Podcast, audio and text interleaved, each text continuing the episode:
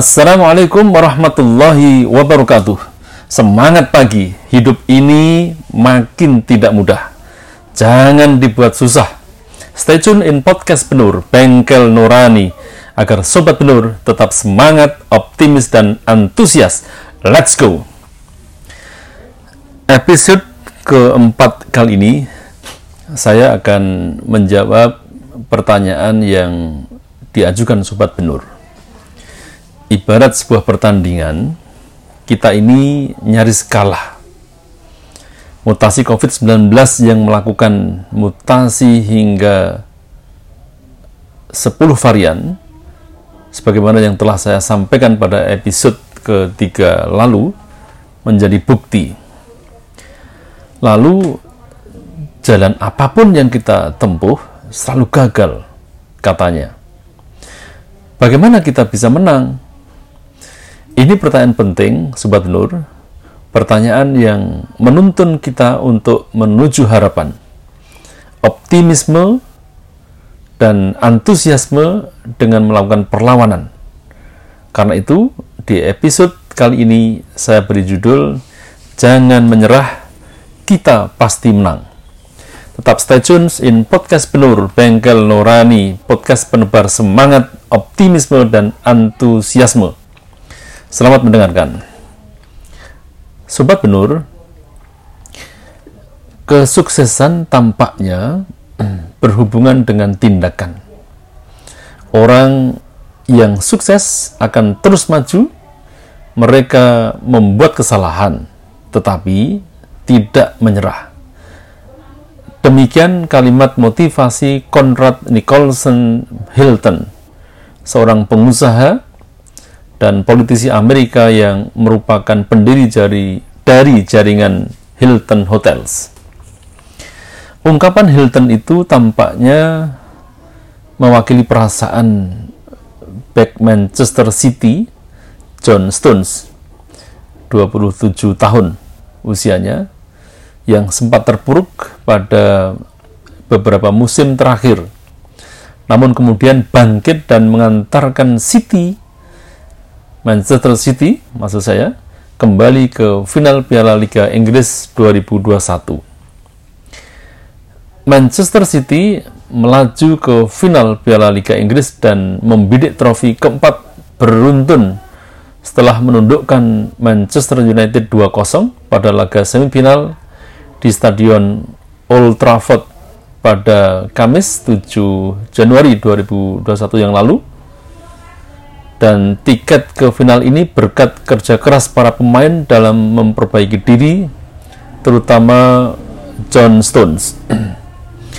Bagi Stones ini momen kebangkitan dirinya setelah pada Maret 2020 ketika itu City menjuarai Piala Liga Inggris dengan mengalahkan Aston Villa 2-1 Stone melakukan kesalahan fatal yaitu terpeleset mengejar bola sehingga Villa leluasa mencetak gol balasan sebelum turun minum. Stones membuat City tak bisa bersantai pada babak kedua. Tentu ini bukan kesalahan pertama Stones. Sebelumnya ia juga tenggelam karena performanya memburuk dan cedera yang membuatnya semakin kehilangan kesempatan untuk bermain.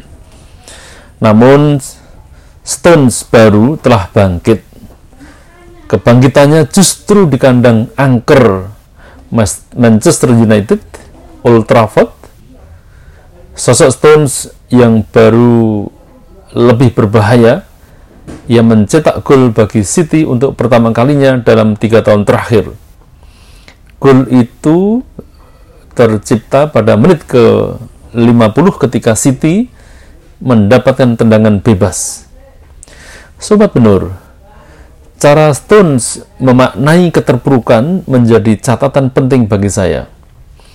Kegagalan bukanlah beban hidup, juga bukan penghalang bagi seseorang untuk maju meraih sukses. Bahkan, bagi Stones, kegagalan adalah kesempatan untuk belajar lebih banyak tentang sebuah kesalahan.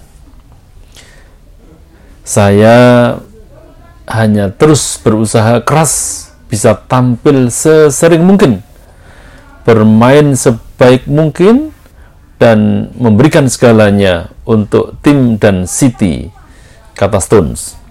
Tampaknya Stones sadar keterpurukan bisa berbuah manis manakala bisa ia rubah dan ini soal cara pandang tentang dirinya yang harus berubah di masa depan. Banyak yang tak terlihat ketika seseorang memandang kesuksesan orang lain. Potensi yang besar dalam dirinya tak dianggap. Kompetensi dan prestasinya tak ubahnya barang rongsokan yang perlu dibuang karena tak berguna. Namun, ketika rundungan kegagalan menjadi bagian dalam hidup, maka akan tampak potensi, kompetensi, harapan, dan semangat yang sebelumnya tak terlihat, tak tampak bisa dihadirkan kembali. Hanya butuh cara pandang baru terhadap diri ini. Butuh cara beda memaknai langkah ke depan sebagai sebuah ikhtiar. Sobat penur, saya sependapat dengan Pep Guardiola bahwa karir seorang bintang sepak bola terkadang berada di atas atau di bawah. Namun, kemauan Stones memperbaiki diri dan bersabar merupakan kunci utama dan contoh bagi para pemain lain demi mendapatkan hasil terbaik. Ya, berkah kegagalan itu adalah semangat memperbaiki diri secara terus-menerus tanpa kenal lelah. Demikian juga kesabarannya. Buah yang terakhir ini hanya bisa dinikmati secara sempurna ketika kegagalan melanda diri, tanpa merasa hina emosional yang meledak-ledak, namun hawa bahagia dan gembira tetap diperlukan agar bisa move on. Tindakan Stones adalah sikap kesatria yang membuka potensi terpendamnya masa lalu, lalu dieksekusi menjadi sebuah tindakan juara tak ada kata menyerah bagi sosok sukses, dia akan tetap maju meraih target masa depan. Karena dalam diri Stones ada sebuah harapan dan ia menemukan kepercayaan diri dalam meraihnya. Benar kata Conrad Nicholson Hilton, menyerah dengan keadaan karena keterpurukan bukanlah kunci membangun kesuksesan justru mempercepat keterpurukan. Sebaliknya, tugas utama seorang juara adalah sadar dan memahami kesalahannya, lalu bertindak untuk tidak menyerah dengan keadaan. Sobat Benur, pembelajaran Stones telah diingatkan Tuhan dalam Al-Quran Surat Al-Hazr ayat 18.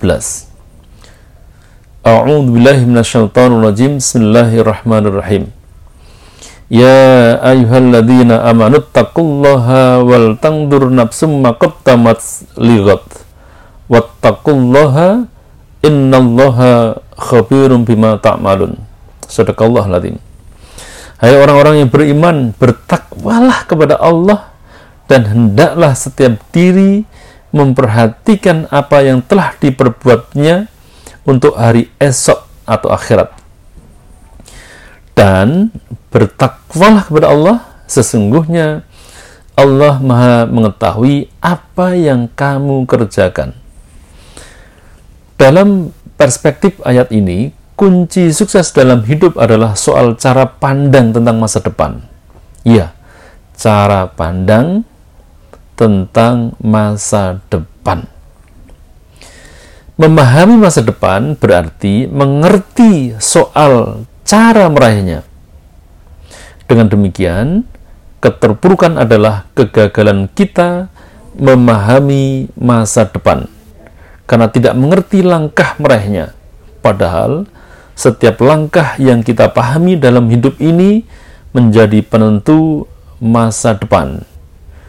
Ya, kita perlulah merubah strategi dan terus uh, belajar uh, trial mencoba strategi satu ke strategi yang lain sampai kemudian hasil terlihat dan uh, tahapan demi tahapan di masa depan bisa kita raih. Keterpurukan sekalipun akan menjadi buah yang teramat manis ketika seseorang tahu cara memperbaikinya tahu bagaimana menjadikannya pelajaran berharga bagi masa depan. Dan berkat keterpurukan itu, kita menjadi tahu bahwa diri ini memiliki potensi dan kompetensi tentang masa depan.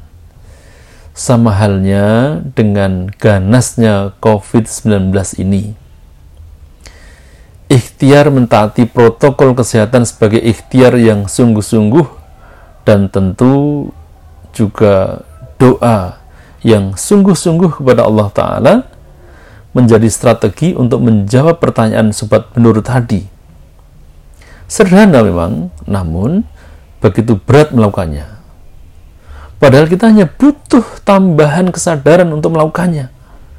Kesadaran untuk tidak menyerah ya dengan uh, terus punya harapan untuk menyelamatkan banyak orang dengan protokol kesehatan mentaati protokol kesehatan sekali lagi mentaati protokol kesehatan ini bagian dari cara kita ya ya bagian dari ikhtiar kita yang tentu Tuhan tahu dan jangan menyepelekan protokol kesehatan karena menyempelekan protokol kesehatan artinya nihilnya ikhtiar.